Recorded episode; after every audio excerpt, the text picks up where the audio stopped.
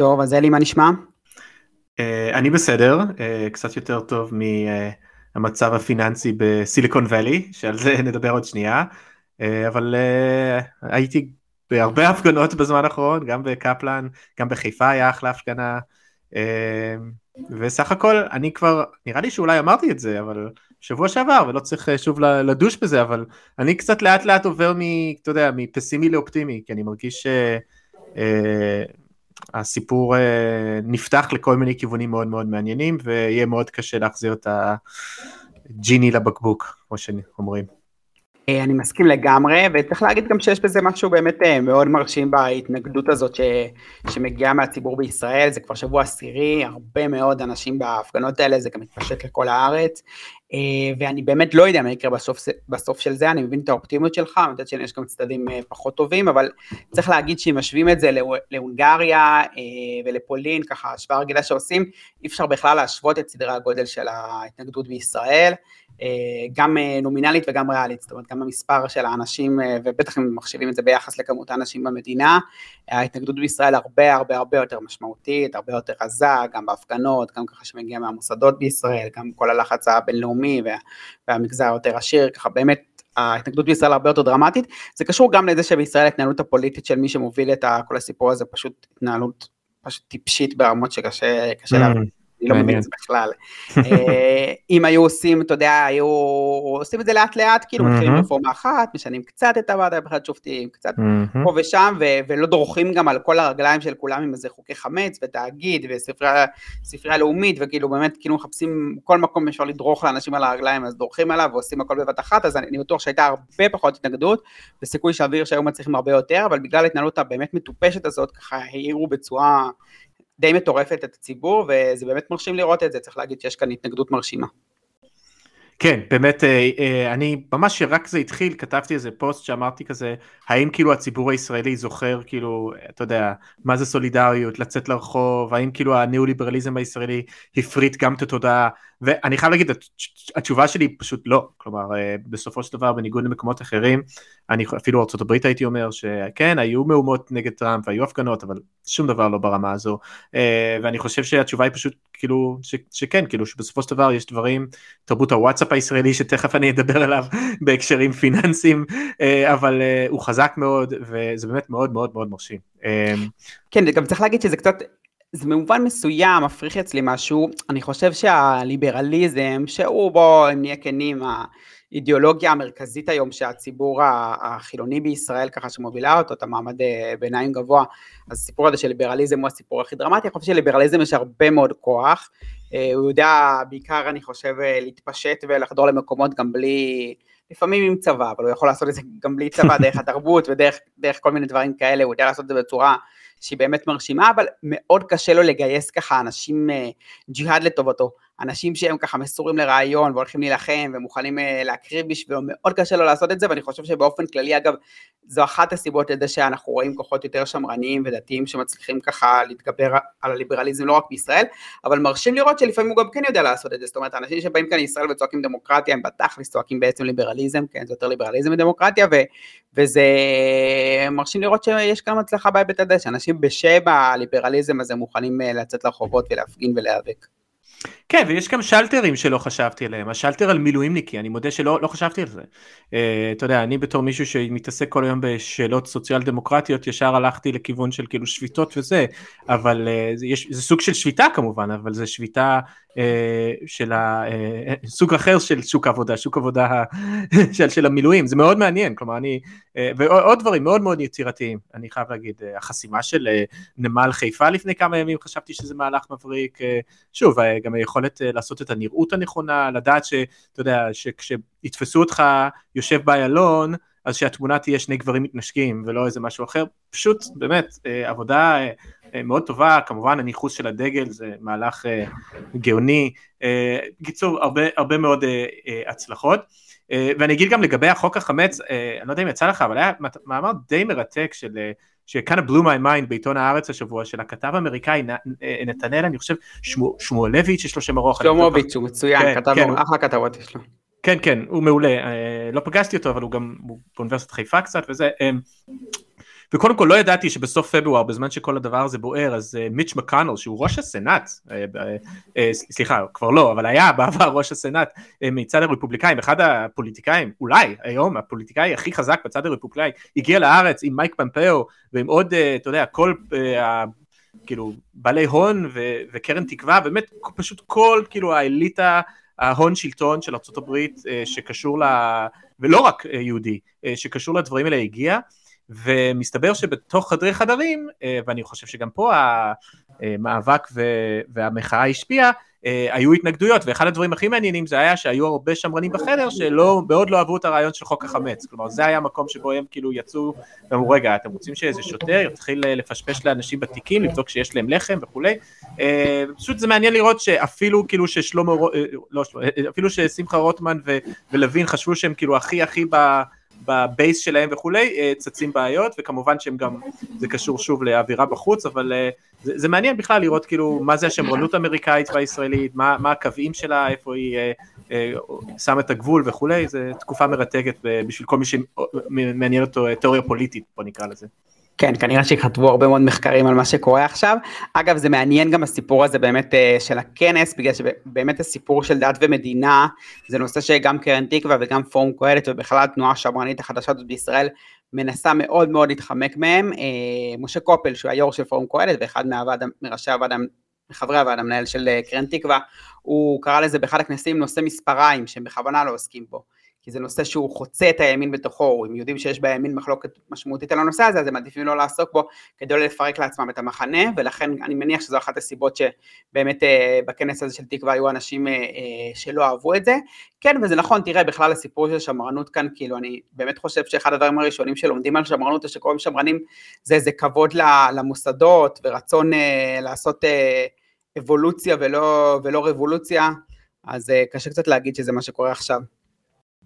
כן, למרות שכמובן גם בארצות הברית יש את השמרנות מהזן האחר שבעיקר מתעסק בעליונות לבנה ולא עליונות יהודית, אבל, אה, אבל זה כבר לדיון אחר. Uh,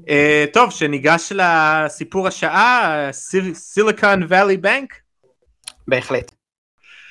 טוב, אז uh, אני רוצה לשמוע מה אתה חושב על כל זה, אני אתן רק את הרקע ואחרי זה uh, נעשה ככה ניתוחים uh, כל אחד. אז בגדול מה שאנחנו יודעים כרגע זה ככה. Uh, היה בנק מאוד גדול, ה-16 בגודלו בארצות הברית מבחינת כמות הכסף אה, שהיה מופקד אצלו וכולי, אה, שקראו לו סיליקון ואלי בנק, שזה היה בנק מאוד חריג, מאוד מיוחד, שהבנק הזה בעיקר אה, הפקידו אצלו כסף סטארט-אפים, שסטארט-אפים הם חברות בעצם לא רווחיות שקיבלו כסף מ-venture capital, VC, והפקידו את הכסף שלהם בבנק הזה, ומשם הם פשוט, אה, אתה יודע, השתמשו בשירותים של הבנק הזה שידע להתמחות בלעזור אה, ללוות את סטארט-אפים וכולי, ועוד דבר כמובן מאוד חשוב שהבנק הזה עשה, זה נתן הלוואות גם לסטארט-אפים האלה לפעמים שהיו צריכים הלוואות וכולי. אז תדמיינו בנק שרוב הכסף שהוא מופקד בו זה לא של איזשהו בן אדם פרטי שמפקיד כסף בבנק, אלא חברות סטארט-אפ שאתה יודע, הכסף שאחרי זה צריך לשלם לעובדים, אחרי זה צריך להשקיע, לשלם שכר דירה וכולי וכולי. אמ, והבנק הזה כמובן בעידן הקורונה הלך לו טוב, הלך לו טוב אה, מאוד, אנחנו יודעים כבר ודיברנו על זה ועוד נדבר על זה אני מניח, שאחד ההשלכות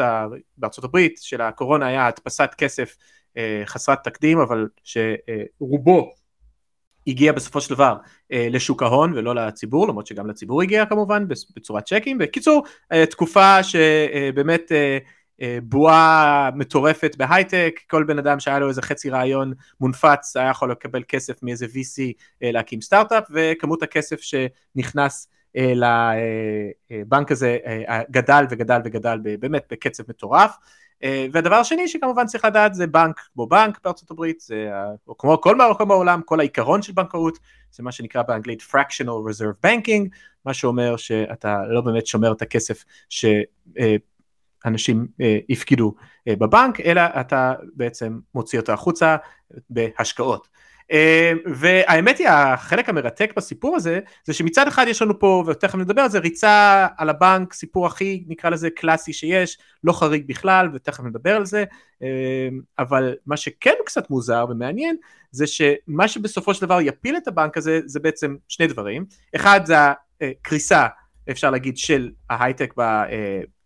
חודשים אחרונים, שזה כמובן אה, קשור לעליית הריבית, אבל לא רק, אבל בעיקר אפשר להגיד לעליית הריבית, ובעצם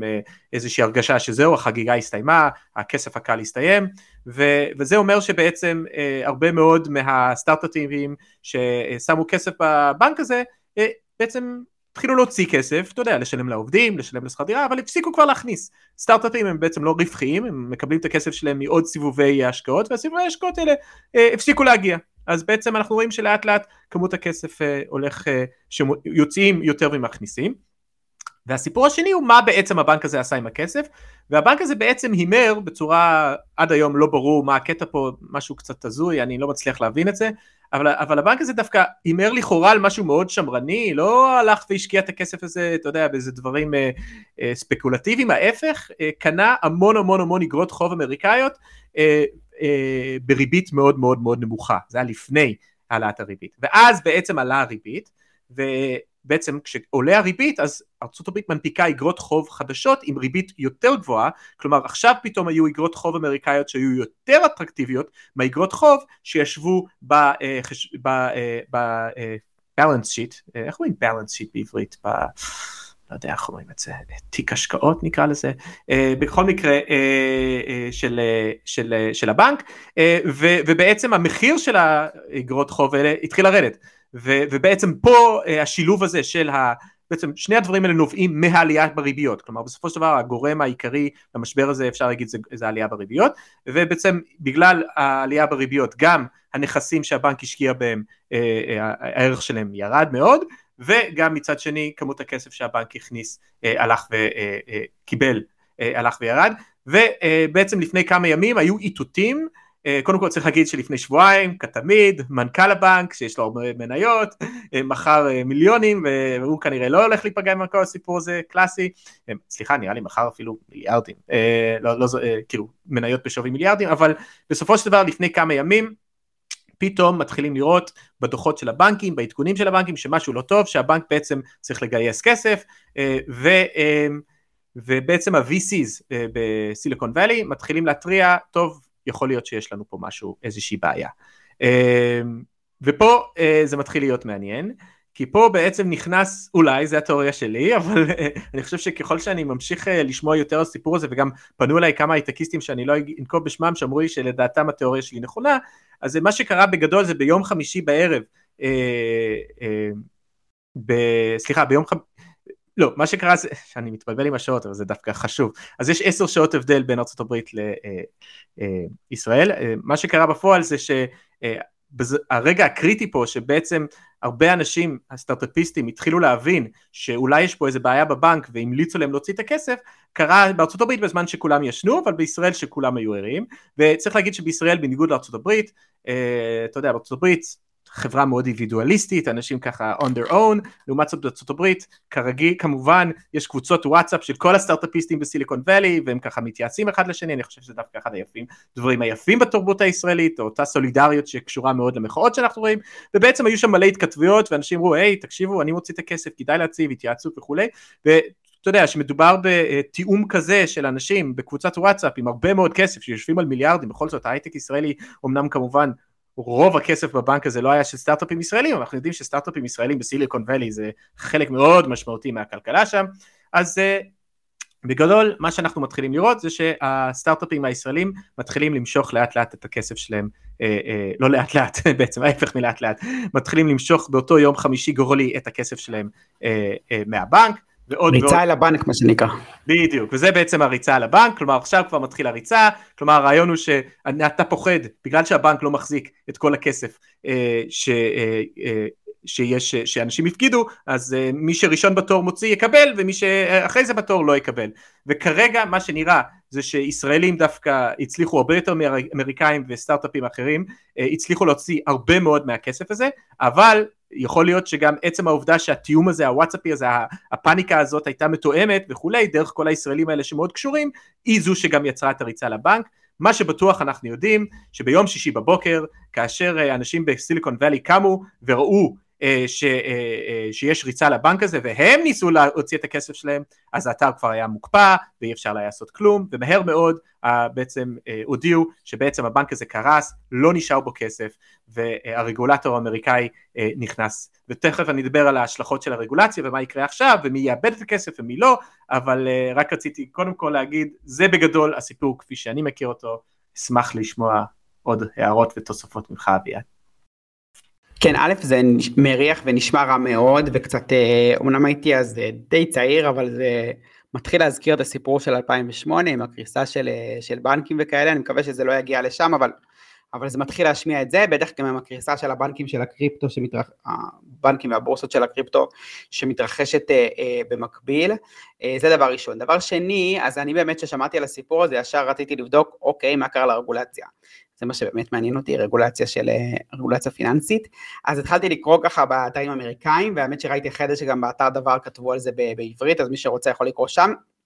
שבעצם אה, היה חוק שאולי תוכל להרחיב עליו עוד מעט, חוק אה, דוד פרנק, שאגב אני בתור ישראלי קראתי את זה בעברית בהתחלה, אני שהתחילו עם זה, וכמובן קראתי דוד ולא דוד עד שהתחלתי לקרוא את זה באנגלית וראיתי זה דוד פרנק, אז אה, החוק הזה בעצם אה, הוא מגדיל את הרגולציה, משנה ומגדיל את הרגולציה על אה, מוסדות פיננסיים אמריקאים, יוצר כל מיני הפרדות, והוא ככה תוצאה מהמשבר של 2008 ומהמסקנות שלו, והרצון שלו להידרדר אליו אה, שוב. אה, זה חוק שחוקק באמת מזמן אובמה, אחרי, אחרי המשבר של 2008, והנשיא שהלך אחריו בארצות הברית שזה טראמפ, הוא ניסה כמיטב יכולתו לחבל בחוק הזה ולצמצם אותו, כחלק מהרצון שלו להפחית אה, רגולציה, להפחית עלויות ציות לרגולציה וכל המנטרות האלה, וחלק מזה ב-2018 הוא בעצם חתם על חוק שהוא מפחית את הרגולציה על הבנקים שיש להם נכסים בסדר גודל של 100 עד 250 מיליארד דולר, כלומר בדיוק כמו הבנק שלנו, אה, הוא בעצם דאג שתופחת הרגולציה עליו ויופחתו הבדיקות עליו והסוכניות ככה פחות אה, יבדקו מה קורה שם, יבדקו שפחות יבדקו את הלימות ההון שלו, מה שנקרא, את ה, עד כמה הנכסים שלו שווים להבטחות שלו, כמה פקדונות שוות להשקעות שלו, ואחד המרכזיים שבעצם קידמו את הפחתת הרגולציה הזאת כמובן היה המנכ"ל של הבנק הזה שדיברת עליו קודם, המנכ"ל בקר, הוא כתב הצהרה לוועדת הבנקאות, הוא אמר שצריך להעלות את ה... את הרף המינימלי של הפיקוח מ-50 מיליארד ל-250 מיליארד, שבאמת זה יעזור להם לגדול, ושהרגולציה הנוכחית מכבידה עליהם, המנכ"ל הזה שאמרת שבעצם הבנק שלו עכשיו התמוטט, המנכ"ל הזה שבעצם, שידע כבר כנראה שזה הולך להתמודד מחר מניות במיליוני דולרים, הוא אחד מאלה שדאגו שהרגולציה לבנק הזה תהיה נמוכה. אה, הסיפור הקלאסי באמת, אנחנו מכירים את זה כבר ממש מ-2008, משברים אחרים, באמת הכל, הכל כבר כתוב וידוע מראש. אה, אז זה ככה מה שעניין אותי בסיפור הזה, ופשוט ידעתי שאני אמצא את זה, זה היה כל כך ברור שיש שם סיפור של הפחתת רגולציה, של איזה מנכ"לים שהם לכאורה לפחות אה, מושחתים, ושל סיפור של אנשים שדואגים לכסף שלהם ופחות אכפת להם מהכסף של הלקוחות והאנשים שלהם, ומדינה שלפעמים לא עושה את התפקיד שלה. אה, אני חושב שמה שמעניין באמת זה מה יקרה. אני רק, אני רק אוסיף למה שאמרת, והכל הכל בדיוק כמו שאני קראתי ואני גם זוכר את זה קצת כשמ-2018 זה לא כזה מזמן אבל צריך להגיד שהחוק הזה לא עובר לולא התמיכה של 17 דמוקרטים כלומר בסופו של דבר אנחנו יודעים שבעידן טראמפ גם טראמפ בעצם אה, הידיים שלו היו קשורות אה, עם הפיליבסטר וכל החוקים האמריקאים, מאוד קשה להעביר חוקים, אבל פה הוא מצא 17 סנטורים דמוקרטיים שהם כמובן מקבלים תרומות מאוד יפות מהסקטור הפיננסי שילכו איתו, כלומר בסופו של דבר למרות כל מה ששמענו על כמה שאתה יודע יש פוליריזציה, קיטוב בין דמוקרטים רפובליקאים בעידן הניאו-ליברלי וכולי, שוב אנחנו רואים, זה לא דוגמה ראשונה וכנראה לא דוגמה אחרונה, שדווקא בדברים הכי ניאו-ליברליים שהכי כך מטיבים עם ההון, אנחנו דווקא רואים שלפעמים הם אה, מתחילים להסתכם, ואותם 17 אה, דמוקרטים, וצריך להגיד, ברני ואליזבת וורן, הזהירו אז, וביקרו אז, וכולי, ובסופו של דבר שוב אנחנו רואים שאי אפשר להאשים רק את טראמפ את הרפובליקאים, בסופו של דבר הדבר הזה לא קורה לולי גם החבר'ה במפלגה הדמוקרטית. אני גם אוסיף עוד דבר בתור מישהו שיורד על אובמה, פה אני חייב להגיד שוואלה, אה, אתה יודע, רוב המחקרים ומומחים שאני מכיר אמרו שדוד פרנק לא עשה מספיק ושזה נכתב על ידי התעשייה הזה, אבל כנראה שזה עשה לא מעט אה, אה, בהקשר, בהקשר הזה, כפי שציינת, כי עובדה שלחצו, הבנקים הבינוניים האלה לחצו הרבה כדי שבעצם ישנו את הרגולציות לטובתם. כן, כמובן שאנחנו לא יכולים לדעת בוודאות שאם היה את החוק הזה, אם הוא היה מוחל באופן מלא על הבנק הזה, אז היה נמנע, אבל כן סביר להניח שמאוד עוד אנשים שמסתכלים ורואים את הדוחות החשבונאיים של הבנק הזה, אז כן היה, אה, היה סיכוי לפחות שהדבר הזה היה נמנע, או, או נעצר בשלב יותר מוקדם ולא מגיע לכזה מצב גרוע. אה, אני צריך להגיד על זה כמה דברים. א', שבנקים הם באופן מאוד מאוד מאוד מובהק, הם שירות ציבורי, ולמרות שבנקים הם אה, היום עסקים פרטיים, באופן מובהק שירות ציבורי ש, שיש בו צורך בכלל גם לכל משק בית היום ובטח לכל עסק, הוא חייב אותו, אין לו שום יכולת להתקיים בצורה אחרת, בנקים הם מוצר ציבורי ברמה שהקריסה שלהם, ההשפעות שלהם מאוד מאוד מאוד משמעותיות ולכן אה, ככאלה ברור שהפיקוח עליהם ואולי אפילו הפעלה ממשלתית של חלק מהם חייבים לקרות ואי אפשר להתייחס אליהם כמו לאיזה מכולת שבאמת זה עסק יותר פרטי וה, והקריסה שלה או הצלחה שלה היא רק עניין של הבן אדם שמפעיל אותה, יש לדבר הזה השלכות דרמטיות וזה מוביל לדבר, לדבר הבא שזה באמת מה יעשו עכשיו, אה, זאת אומרת האם אה, הממשלה מה שנראה שהולך לקרות תזדעק להציל בעצם את, ה, את הבנק הזה זה דבר ראשון, והשאלה השנייה, אה, האם מישהו ייענש בעקבות הסיפור הזה. אז קודם כל צריך להגיד שבניגוד לקריסה של הבנקים אה, ב-2008, ששם באמת גם הרבה מהנפגעים היו אנשים ככה פרטיים, חלקם גם לא אנשים עשירים מדי, שממש כל החסכונות של החיים שלהם, פקדונות שלהם וכל זה נעלם, כאן זה בעיקר, בעיקר חברות הייטק וסטארט-אפים, שזה לא, זה כמובן אין לי שום רצון שאף אחד יאבד את הכסף שלו, ו, ואני מניח שזה מאוד משמעותי להם, אבל זה פחות משקי בית ככה שיקרסו, אז ההצדקה להתערבות ממשלתית כאן היא קצת יותר קטנה בעיניי. אמ, וצריך להגיד שכנראה, עוד פעם, אני לא באמת יודע, אבל כנראה שאף אחד כאן לא יוענש, כמו בכל המקרים האחרים שקרו אז בארצות הברית, אנשים פשוט הקריסו בנקים וכלכלה שלמה, ולא רק שהם לא, לא פוטרו או נענשו, אלא שהם נהנו מהכסף שהממשלה, שהממשל האמריקאי וגם באירופה הזרימו בחזרה לבנקים, לקחו מזה בונוסים, אה, בעצם התעשרו מכל הסיפור הזה אחרי שהם גרמו לכל הכלכלה לקרוס, לקרוס והתעשרו על חשבון הממשלה, נכתב על זה לא מעט מאז המשבר, נכתב על זה, עשו לזה סרטים, עניינים, זה כבר, זה נושא שדי נדוש,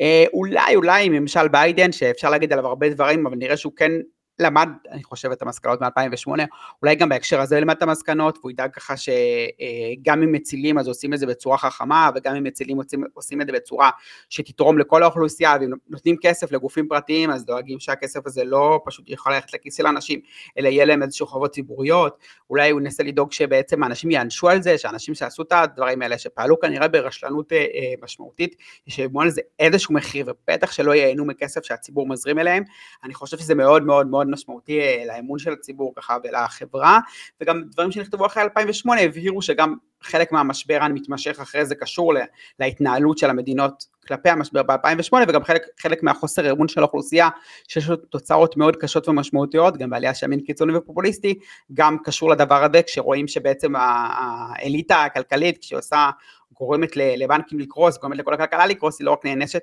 אלא מרוויחה מזה. אה, אגב, בהקשר הזה אוהבים לציין תמיד את איסלנד, שהסיפור שם הוא מורכב, אבל בגדול איסלנד אה, בעצם באיזשהו שלב הבנקאות שם התנפחה אה, לגודל שהוא פי תשע מכל הכלכלה של אה, הקטנטנה של איסלנד, בעיקר על ידי אה, כסף של בריטים שרצו ליהנות מהריבית הגבוהה שהוצאה שם, בקריסה של 2008 הכל שם, כל המערך הבנקאי קרס, וממשלת איסלנד החליטה בניגוד למדינות אחרות שהיא לא מצילה את הבנקים בעצם, והיא אומרת הם, גופים פרטיים וזו בעיה שלהם. צריך להגיד שהצד הזה היה לו מחיר כמובן, היו שם הרבה אנשים כל מיני פנסיונרים בריטים וכל מיני עסקים בריטים קטנים וגם רשויות מקומיות בריטיות שהשקיעו שם את הכסף שלהם, גם האיחוד האירופי לא אהב את זה, בריטניה לא אהבה את זה והם בסוף חלק מהכסף הם כן החזירו, אבל לפחות לפי חלק מהטענות, חלק מהעובדה שאיסלנד התאוששה מהר מאוד מהמשבר הזה, קשור גם לגישה של הממשלה שלה שלא הסכימה להציל את הבנקים, ולעומת זאת האזרחים שלה היא כן הצילה, זאת אומרת היא ויתרה על חלק מהחובות שלהם לבנקים וכלפי המדינה, וחלק מההתאוששות המהירה של המדינה וחזרה שלה על מתווה שלה שהוא דומה למתווה של המדינות הנורדיות האחרות של, של אה, שוודיה ודנמרק אה, אה, ונורבגיה ובמידה מסוימת גם פינלנד, קשורה גם ליחס הזה שלה למשבר ב-2008.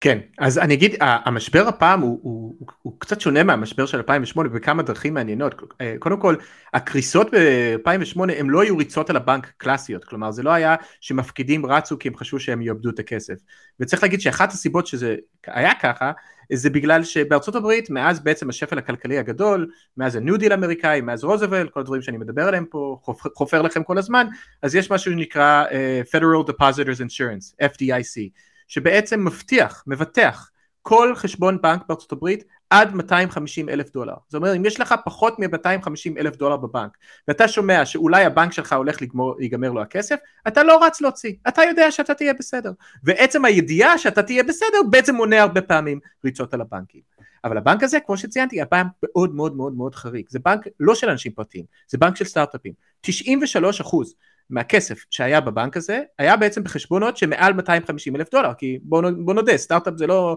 250 אלף דולר, זה מיליונים. ולכן בעצם מה שקרה פה, הריצה לבנק פה, נבע מזה שה-FDIC הוא לא רלוונטי, הוא לא יעזור לך. אנשים נלחצים כי לכולם יש יותר כסף, וכמובן שגם עכשיו ההשלכות של זה הן הרבה יותר uh, חמורות, כי מי שלא הצליח, הספיק להוציא את הכסף שלו, uh, אולי לא יראה את הכסף ולא הספיקו להוציא אותו בזמן, ומה יקרה לבנק עצמו. אה, ואני חושב שזה שני דברים שצריכים אה, להפריד ביניהם. מבחינת הפגיעה הכלכלית, אז דווקא בגלל שמדובר בחשבונות שהעסיקו אנשים ש... וכולי, אז יכול להיות דווקא שהנזק הכלכלי פה יכול להיות מאוד מאוד מאוד גדול, ויכול להיות גם שאם לא יטפלו בזה כמו שצריך, אז יש עוד בנקים כאלה, שוב, זה לא יהיו הבנקים הגדולים, זה לא בנק אוף אמריקה, זה לא ג'יי פי מורגן, ששם יש מיליוני אמריקאים שהפקידו כסף, ורובם מן הסתם הפקידו הרבה פחות מ-250 אלף דולר בחשבון בנק, אבל במקרה הזה יש עוד כמה בנקים כמו הבנק של סיליקון ואלי, ואם uh, הבנק הזה, uh, אם ארצות הברית תגיב בצורה מסוימת, אז יכול להיות שהיום בבוקר ויש דרמה בארצות הברית ממש עכשיו, הנה עוד מעט אה, אה, בעשר בבוקר, בעשר שעות הבדל תתחילו לקום שם בקליפורניה ונראה מה יהיה התגובה, אבל אם לא יעשו כלום אז אה, מן הסתם יהיו בנקים אחרים שכנראה גם יהיה שם ריצות על הבנקים, אז השאלה היא קודם כל מה עושים, אז כשהבנק, צריך להגיד שה... הבנק הפדרלי, הממשלה הפדרלית כבר השתלטה על הבנק הזה ובעצם מה שהיא תעשה עכשיו היא בעצם צריכה לקבל החלטות די גורליות ו, ו, ולא ברור מה יהיה גם מקום התמרוד שלה, אני לא רוצה להיכנס פה לכל הנתונים והפרטים החוקתיים אבל, וחוקיים אבל ב, ב, ככה בחוק של ה-FDIC שחוקק בניו-דיל כתוב שיש מגבלות, כלומר אתה כל מי שמעל 250 אלף דולר, אתה לא יכול להחזיר לו את הכסף, אלא אם כן אתה חושב שזה יכול להוביל לאיזשהו מקרה חירום כלכלי. אז השאלה היא עכשיו, האם ארה"ב אה, אה, תחזיר את הכסף לסטארט-אפים האלה? יש פה גם פונקציה של זמן. בסופו של דבר צריך להגיד, שכמו שהזכרתי קודם, רוב הכסף שנמצא בבנק אמנם הוא לא נזיל והוא ננעל וכולי, אבל בסופו של דבר יהיה אפשר לעשות ליקווידיישן, יהיה אפשר בעצם למכור את כל הנכסים של הבנק, ואולי עוד חצי שנה הרבה מהאנשים שלא הצליחו להוציא את הכסף יקבלו חלק גדול, 70-80 אחוז מהכסף חזרה. השאלה היא, אבל אם עוד חצי שנה, האם כל החברות סטארט-אפים שלהם ישרדו ולא נראה פשוט עכשיו קריסה, כולל בישראל, ויש פה השלכות לישראל, אה, קריסה של כל אה, אה, תעשיית ההייטק, הסטארט-אפ, לא ההייטק, הסטארט-אפ צריך להגיד. ולכן ההחלטה הראשונה שאנחנו צריכים להסתכל עליה בימים הראשונים, זה מה יעשו לאנשים שהפגידו את הכסף. אחרי זה יש כמובן, ואתה דיברת על זה מצוין ולא צריך אה, להוסיף לזה, השאלה מה יקרה לבנק עצמו. ואני מנחש, כמו שאתה תיארת פה, אה, ששום אה, דבר, אתה יודע, ענישה משמעותית לא תהיה. הניחוש שלי כרגע, as we speak, האוצר האמריקאי והגורמים בממשל ביידן מחפשים בעצם בנק אחר שיקנה את הבנק של סיליקון ואלי. אני, יש לי הרגשה שהיום בעוד כמה שעות נקום ונגלה שמצאו קונה, כי אני חושב שבסופו של דבר לסיליקון ואלי בנק הזה יש גם מוניטין טוב, מיתוג טוב, סך הכל זה לא כמו המשבר של 2008 שאתה יודע זה הכל אה, על איזשהו שקר ובלוף, כלומר בסופו של דבר הם כן סיפקו איזשהו שירות אה, ולדעתי הם פשוט יקנו אותם. האופציה השנייה זה איזושהי הלמה אה, שלצערי הרב במקרה הזה אני הייתי עושה הלאמה, מעניש בעצם את כל ה-share ואת הבעלים של הבנק, אה, מוחק להם בעצם את כל הערך ובעצם אה, סוגר את העניין הזה, מחזיר את כל הכסף לזה ופשוט זהו, נגמר הסיפור, ולא כמובן מה שקורה הרבה פעמים, שזה בעצם מלימים מה שנקרא privatize the gains and socialize the losses, שזה מה שקורה הרבה, ובכלל אנחנו יודעים שכל הניאו-ליברלים שמאמינים בשוק חופשי פתאום נופל בנק והם פתאום הופכים להיות אחרוני הסוציאליסטים, חייבים להעלים, חייבים זה, כאילו פתאום המדינה זה דווקא government isn't the problem כמו שרייגן אמר, government is the solution, פתאום הם כולם נהיים סוציאל דמוקרטים, עלק, אז אני מקווה מאוד לא לראות את זה הפעם, אני מאמין אבל שאם לא ימצא קונה גדול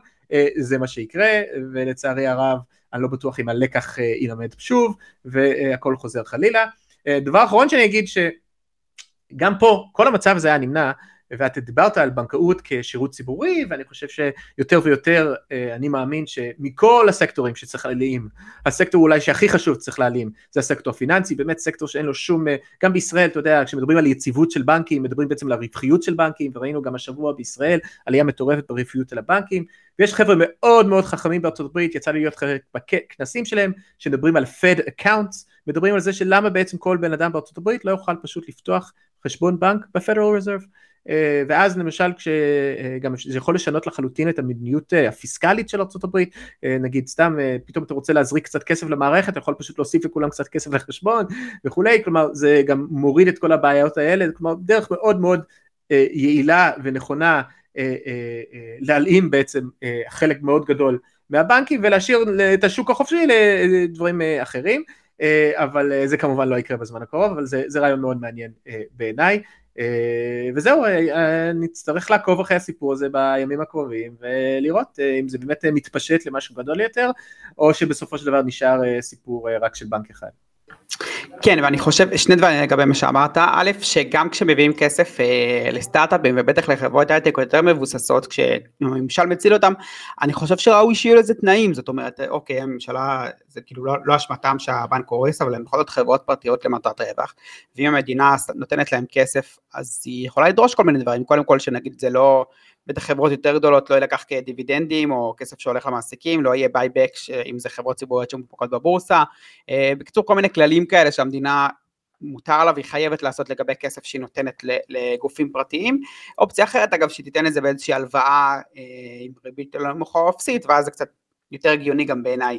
כשמדובר בחברות פרטיות, ולגבי מה שאמרת על הבנקים זה כמובן אגב הרעיון של הרצל, כן, הרצל דיבר על זה שבאמת המוסדות הפיננסיים אה, והבנקים צריכים להיות בבעלות הציבור אה, ולא בבעלות מסחרית, בין השאר בגלל דברים שאמרתם, בגלל שברור שהשירות שלהם ציבורי, ברור ששליטה של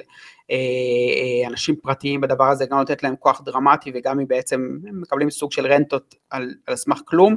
ורואים את זה אגב מצוין עכשיו, הרווחים של הבנקים בישראל קפצו בצורה דרמטית, הם, הרוויחו, הם מרוויחים מיליארדים כל רבעון, רק בגלל שהמדינה העלתה את הריבית שלה, והם פשוט, לא שהם שיפרו את השירות שלהם, לא שהם שיפרו את הפריון שלהם, לא שהם, לא שהם עשו כלום, פשוט כי המדינה מעלה ריבית והרווחים שלהם גדלים במיליארדים, אין לזה סיבה אמיתית שזה יקרה הדבר הזה, ולכן אה, אני מסכים איתך, לפחות, לכל הפחות צריכה להיות חלופה, זאת אומרת צריך להיות בנק ציבורי שהוא אה, מתחרה או אחוז מהשוק שלה בשוק הבנקים. הרעיון של ה Fed account שזה בנק מתחרה. אה, אני חושב שמהר מאוד יגלו והייתי בכנס מאוד מעניין בהרווארד שהביאו את אני חושב שראש החוג של כלכלה בהרווארד והוא הוא, הוא פשוט אמר אם תפתחו את זה אה, כולם ירצו את זה ולא ירצו את הבנק הפרטי ואז אתה יודע אנשים אמרו כן אז נו מה הבעיה עם זה? כלומר הוא בעצם הודה במקרה הזה שהמערכת הציבורית עדיפה על המערכת הפרטית ואנחנו יודעים שהרבה פעמים אני חושב החשש ואני בכלל מאמין שצריך אופציה ציבורית בכל דבר. בוא, בוא נראה את השוק באמת תחרותי. אבל זה כבר דיון אחר. אני רק אגיד גם לגבי מה שקורה עכשיו בארצות הברית עם ה... עם הסיפור הזה, אז ג'ו, ג'ו ביידן גם השבוע הגיש תקציב, תקציב שלא יעבור, תקציב שאתה uh, יודע, אין לו כבר את הרוב בקונגרס וזה, אבל uh, היו שם דברים מאוד מעניינים, ואחד הדברים שהזכרת זה בעצם uh, כל הטריקים והשטיקים הפיננסיים של uh, בעצם לקנות מניות של עצמך, אה, וביידן בעצם כבר אה, בשנה האחרונה הטיל מס של אחוז אחד על stock buybacks, בעצם על הנטייה של אנשים לקחת את ה... של חברות לקחת את ההר של הכסף שלהם ולקנות את זה, פשוט את המניות של עצמם וככה לנפח בצורה אה, מלאכותית את מחיר המניה שלהם ואז לתת, בגלל שכל המנכ"לים וכמובן גם בעלי המניות מרוויחים מזה כי המניה עולה, אז, אז עכשיו הוא רוצה בעצם להפוך את זה ממס של אחוז אחד למס של ארבעה אחוז, אה, שזה כבר אה, יותר מעניין, כי לצערי אה, אחוז האחד הזה לא עזר, ויש המון סטוק בויבקס השנה בארצות הברית, ובמקום להשקיע בכלכלה הריאלית, אנחנו רואים יותר ויותר חברות ממשיכות לשחק משחקים פיננסיים עם הכסף שלהם ופשוט לשלשל אותו בכיס, לכיס הפרטי שלהם, אבל כאמור, ביידן עכשיו זה לא הביידן שלפני 2020, הוא הרבה יותר מוגבל במה שהוא יכול לעשות, הוא גם רוצה לה, אגב להעלות מיסים על עשירים בתקציב הזה, אבל זה לא הולך לקרות, מתישהו בפרק אחר נדבר על הבלגן של התקציב. אבל uh, נעבור עכשיו uh, לדבר על, uh, על ישראל. אכן, uh, אני גם רוצה לדבר על אנשים שעושים uh, ברשלנות פוגעים באנשים אחרים ולא משלמים לזה שום מחיר, והפעם אני מדבר על יזמים וקבלנים וכמובן על תאונות העבודה. בשבוע שעבר,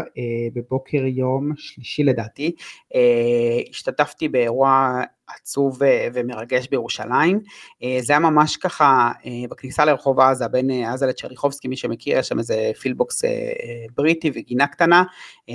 בדיוק הרחוב שם היה חסום, כי נתניהו גר בו עכשיו ולא רוצים שיפרינו לו ליד הבית, אז ממש ליד המחסום של הרחוב התכנסנו שם בטח 20-30 אנשים, חלקם פעילות ופעילים של מעגלי צדק וכולנה,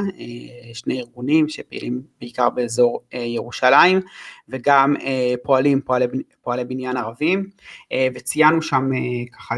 את המוות של שני פועלי בניין שמתו באותו שבוע בירושלים, אחד ממש שם,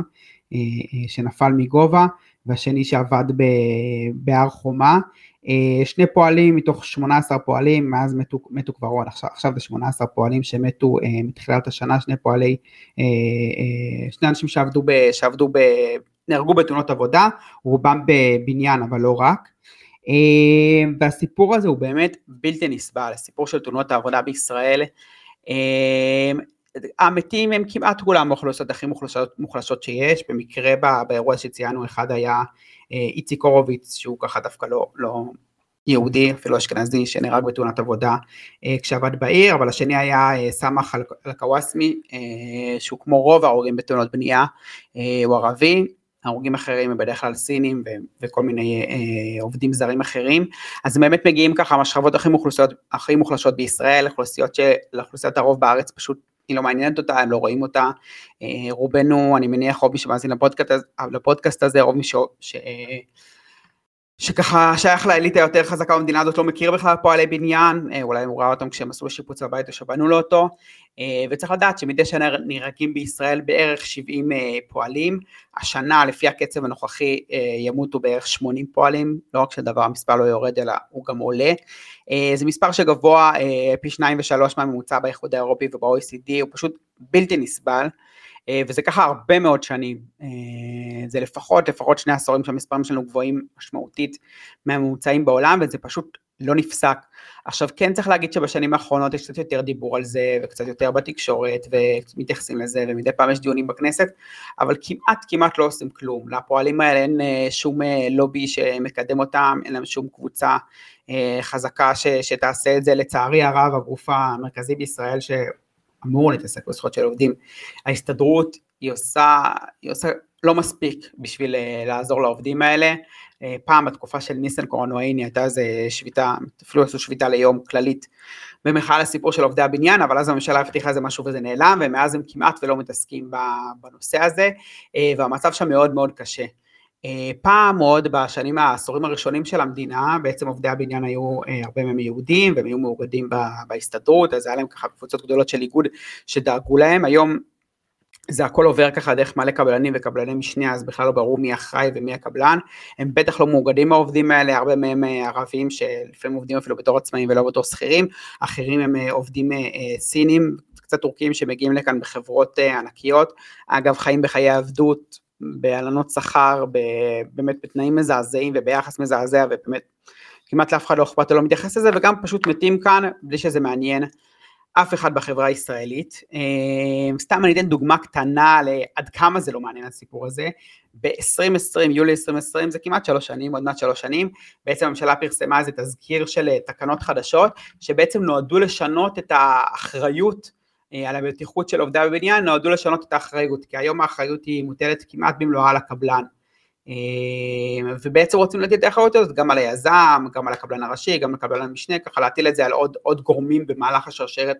אה, של הסיפור הזה, כדי שיהיה אכפת להם מזה, שלא רק הקבלן בקצה, הקבלן הקטן בקצה, שהוא באמת בעצמו קצת חוליה חלשה בכל הסיפור הזה, אלא שגם אנשים במעלה שרשרת המזון, שיהיה בעצם תהיה להם אחריות פלילית על הסיפור הזה ויהיה אפשר להעניש אותם במקרה שמשהו יקרה וכמובן שהמטרה היא שמשהו לא יקרה ויהיה להם אינטרס לדאוג שהתאונות העבודה האלה יימנעו אז ביולי 2020 התקנות האלה כבר הונחו, פורסמו לציבור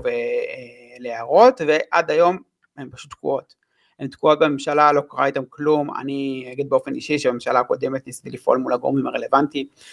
אה, ואנחנו ניסינו לפעול ופשוט שום דבר לא קרה. אה, היו כל מיני תוכניות, גם בחוק ההסדרים הקודם, בעצם לאחד את הגופים שאחראים על בטיחות בעבודה, להקים אה, רשות מיוחדת שתתעסק בסיפור של בטיחות בעבודה, כמו שהיה בהמלצות של אה, דוח האדם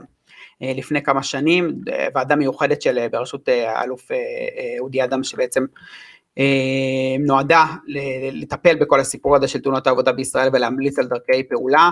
הרבה מאוד מהמסקנות של הוועדה לא יושמו, בין השאר ההקמה של הרשות הזאת, והמדינה והממשלה כמעט לא עושות כלום. מספר הפקחים הוא מגוחך, הוא גם נמוך בלפחות חצי מהממוצע וממה שמומלץ ב-OECD, ופועלים פשוט ממשיכים ליפול ולמות, פשוט ככה, זה כאילו, אה, מדי פעם אומרים את זה בחדשות, בדרך כלל לקראת סוף החדשות, כמה נפגעו היום מתאונות עבודה, כמה מתו, ואגב, כמה, כמה נפצעו, אנחנו רגילים לדבר על אלה שנהרגו, אבל גם אנשים מאבדים ידיים, רגליים, אה, נותרים מושתקים בחלק מהגוף, נפצעים בצורה מאוד משמעותית, מושבתים מעבודה לתקופה מאוד משמעותית, וזה בכלל לא מדובר, זה בכלל אף אחד לא יודע את השמות שלהם ומי האנשים וזה לא מעניין, אה, וזה פשוט סיפור נורא, סיפור קלאסי גם של, אה, של מעמד ויחס, שכשאנשים הכי חלשים בחברה נפגעים זה פשוט לא מעניין, וצריך להגיד שכמעט כמעט, כמעט, כמעט לא מוגשים כתבי אישום על זה, זה ממש מאוד נדיר שיש כתב אישום על רשלנות בתאונות עבודה, למרות שבחלק מגדול מהפעמים זה באופן מובהק רשלנות של הקבלן, לא מוגשים אה, כתבי אישום ופשוט אף אחד לא נושא באחריות. אוי, איזה מדכא. אה, כמה שאלות. אה, אחד, אה, אה, אה, מה קורה למישהו שבעצם בוא, בוא, בוא ניקח אנשים שהם לא אזרחי ישראל, אנשים uh, עובדים זרים או אולי uh, אנשים ממזרח ירושלים, אני מניח שיש הרבה כאלה, מה קורה למישהו שמת? כלומר המדינה נותנת כסף או שהוא אה, לא אזרח, אין ביטוח לאומי לאנשים האלה, uh, כאילו הקבלנים צריכים לשלם משהו, ביטוח חיים, כאילו אתה יודע בכלל מה, מה המשפחות מקבלות? אז שמע, קודם כל אה, נכנס כאן עוד סיפור אה, מעניין והזוי קצת על המקום שאנחנו חיים בו, כשבעצם פועלים נהרגים מעבר לקו הירוק, המדינה בכלל לא סופרת את זה כתאונת עבודה, ובאופן עקרוני לא, היא גם לא מפקחת על זה, בגלל שאלה לא שטחים שסופחו לישראל, והחוק הישראלי לא חל שם במלואו, אלא רק חוקים שהכילו אותם באופן ספציפי על, על השטח הזה, ושאלוף אה, פיקוד המרכז שהוא חתם על צו, אז הם חלים שם, אז בעצם חוקי העבודה בישראל לא לגמרי חלים בשטחים, ולכן הם אפילו לא נספרים, רק העמותות סופרות אותם כהרוגים בתאונות עבודה, והמדינה בכלל באופן עקרוני לא, לא סופרת אותם וגם לא שולחת לשם פקחים, כל דבר שהוא מעבר לקו הירוק, שזה הרבה דברים, כן, זה, זה שטחים עצומים עם מאות אלפי ישראלים. אה, מבחינת החובה של הקבלנים אליהם, אה, זו שאלה טובה, לדעתי הם כן משלמים עליהם ביטוח לאומי על, על עובדים שעובדים בישראל, גם עובדים זרים וגם אזרחי ירושלים, אז הם כן מקבלים איזשהו פיצוי, אני לא בטוח מה לגבי פועלים סינים וכאלה, סביר שהם כמעט לא מקבלים כלום, אני אגיד לך את האמת, לפי מה שאני מכיר, גם כשהם עובדים כאן, בלי להיפצע, הם לא מקבלים את מה שמגיע להם והיחס אליהם דפוק, אז אני בספק מאוד מאוד גדול אם הם מקבלים משהו כשהם, כשהם מתים. אה, אגב, אחד הדברים שהמדינה ניסתה לעשות כדי כאילו להילחם בתאונות עבודה, זה בעצם להגדיל את, הביט, את דמי הביטוח הלאומי על מעסיקים שמעסיקים עובדים בעבודות מסוכנות. זו כאילו הייתה דרך שהמדינה להתמודד לזה, כי בעצם בתכלס מה שהם אמרו, אנחנו לא מנסים להיאבק בתאונות העבודה, אלא פשוט מנסים לדאוג שיהיה לנו כסף לשלם לפיצויים. אנחנו יודעים שיקרו תאונות, אז אנחנו רק דואגים לכסף שיהיה לנו לפיצויים, אז קצת הגדילו את זה, עשו איזו הגדלה קטנה של 0.1 ורוצים להגדיל את זה ל-0.2 בעצם בכלל למעסיקים בעבודות אה, שיש בהם פגיעות של עובדים, אבל זה לא באמת טיפול בבעיה, כן, זה רק לדאוג שלמדינה יהיה עוד כסף לשלם פיצויים ו- ולא מעבר לזה. אה, וזה, אתה יודע, זה פשוט עוד מקום של הזנחה של מדינת ישראל, את העובדים הכי חלשים בה, את האנשים הכי חלשים בה. באופן כללי בישראל, זה נכון כמעט לכל תחום, האנשים הכי חלשים פשוט אה, מופקרים, אתה יודע, אם נתחיל את זה מה, מהפלסטינים אה, בשטחים וגם בתוך ישראל, מהגרי העבודה שיש פה, מבקשי המקלט, האוכלוסיות המוחלשות בלשכות הרווחה, הומלסים, כל האוכלוסיות האלה שבעצם אין להם באמת באמת נציגים אה, אה, נבחרי ציבור, אין להם אף אחד שדואג לעשות רפורמות לטובתם, לא בלטובתם, רק אנשים טובים באמת מעמותות וארגונים וקצת מהחבר כנסת מנסים, אבל אין לא באמת איזה קבוצה שיכולה ללחוץ ולהפעיל לחץ משמעותי על הממשלה, ואין אף אחד שרואה את עצמו כמייצג אותם ושחשוב לקדם אותם, ובסוף פשוט המצב שלהם באמת קטסטרופה, וגם הממשלה ממש גוררת רגליים. באמת, ההקמה של הרשות הזאת יכלה להיעשות בממשלה הקודמת, התקנות האלה יכלו להיות מתוקנות, אתה יודע, אנחנו רואים עכשיו מעבירים פה חוקי יסוד שמשנים את השיטה הדמוקרטית שלנו לתוך שבועיים, אז יכלו יפה מאוד להעביר תקנות שהן מטילות אחריות ב... ב באתרי בנייה על, על יזמים, יכלו להעביר את זה בתוך אה, שלוש שנים, כן? אם, זה, אם אפשר לעשות כאלה דברים, גם את זה יכלו לעשות, זה פשוט לא מעניין.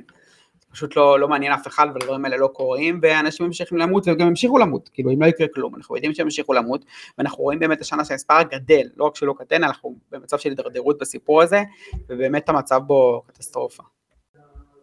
כן, וצריך להגיד פה שכמובן אחת הסיבות למה שום דבר לא זז זה נרטיב יוקר המחיה, אה, מה פתאום, אי אפשר אה, לשנות, רגולציות,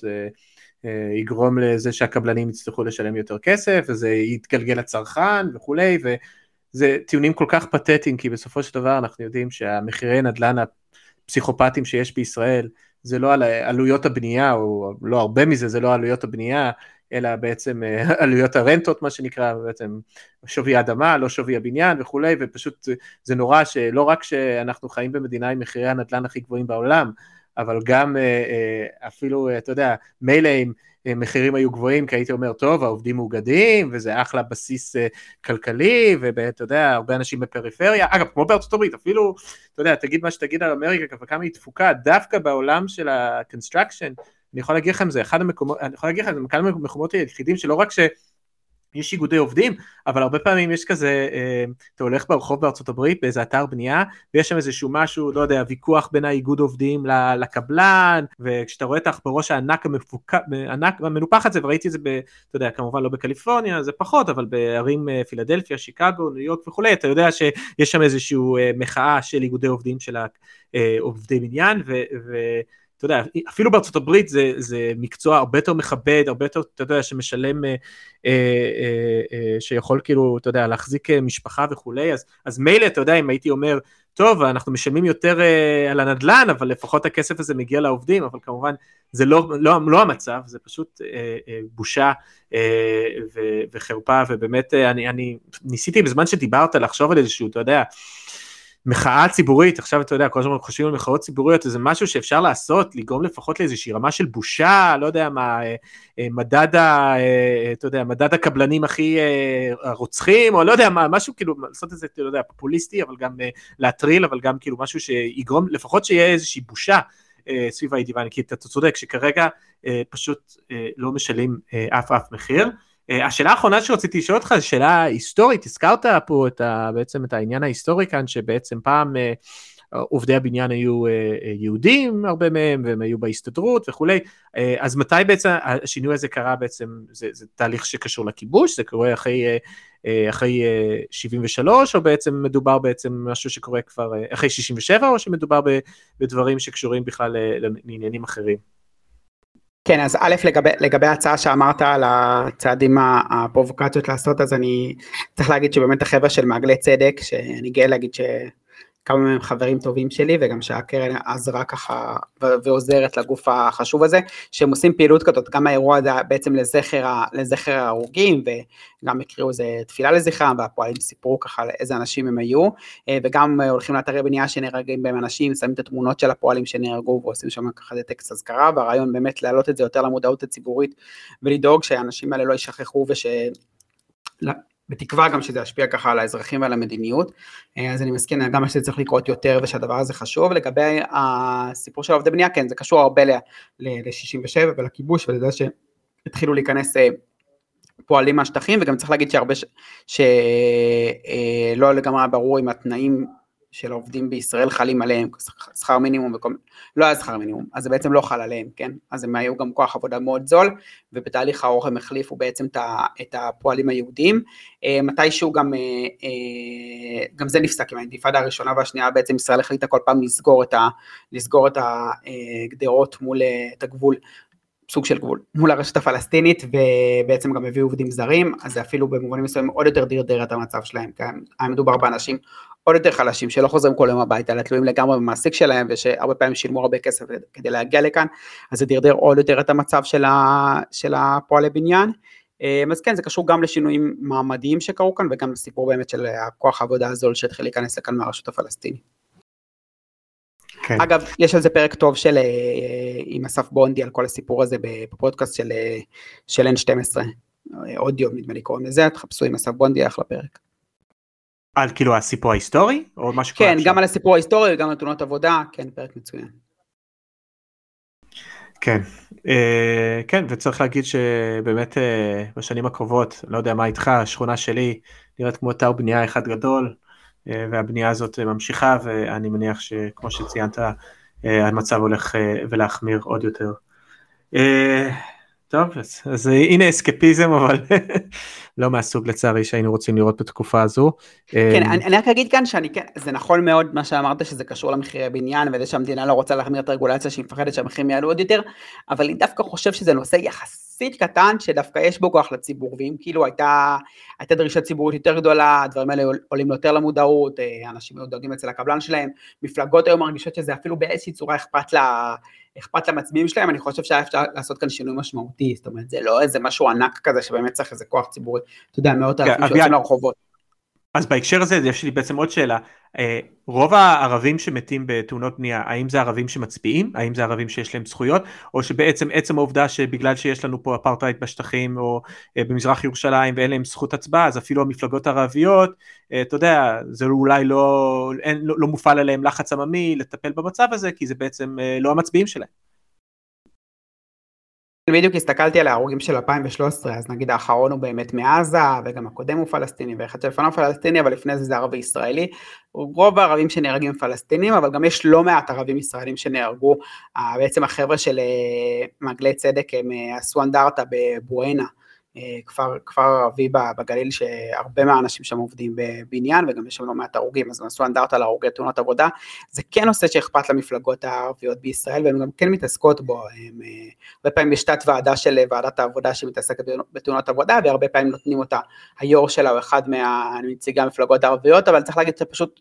אין להם כוח בדרך כלל, אז הן לא כל כך מצליחות להשפיע על זה, זאת אומרת, יכולת ההשפעה שלהם מאוד נמוכה, כי הם בדרך כלל לא בקואליציה, וגם בקואליציה, יחסית העמדה שלהם היא,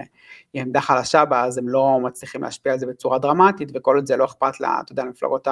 היותר חזקות שנמצאות בשלטון ובקואליציה, אז יהיה קשה לדבר הזה להשתנות. כן.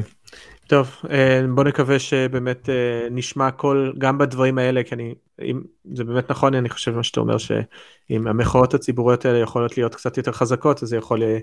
אה, אולי לעשות איזשהו שינוי אמיתי. מילות סיכום? אכן. אני רק אגיד שזה היה מעורר תקווה דווקא לראות את הטקס הזה, ככה שם דתיים וחילונים, אה, יהודים וערבים, וככה סביב איזה מטרה אה, משותפת וסיפור עגום בעצם שקורה בישראל, אבל רצון משותף לקדם אותו, וככה זו הייתה תמונה טובה בתוך כל הסיפור הלא פשוט שאנחנו נמצאים בו, ואני מקווה שלפחות הדברים האלה נוכל אה, לקדם את זה ביחד, למרות שברור שגם כאן זה קשור לאידיאולוגיות ואינטרסים כלכליים. זהו. טוב אז אה, שנה הבאה אה, סליחה שבוע הבא אני בארצות הברית אני טס לדיטרויט ולשיקגו אה, להרצאות אז יכול להיות שלא יהיה פרק שבוע הבא אולי יקבלו הפתעה נחכה ונראה אבל תמשיכו לצאת להפגין תמשיכו אני מרגיש שממש מקווה אם מי שפה מאזינים מברלין ואני יודע שיש אז יאללה תתחילו להתכונן וזהו אני מקווה ששבוע הבא או עוד שבועיים נהיה אפילו יותר אופטימיים. אמן. להתראות בפעם הבאה. ביי לכולם.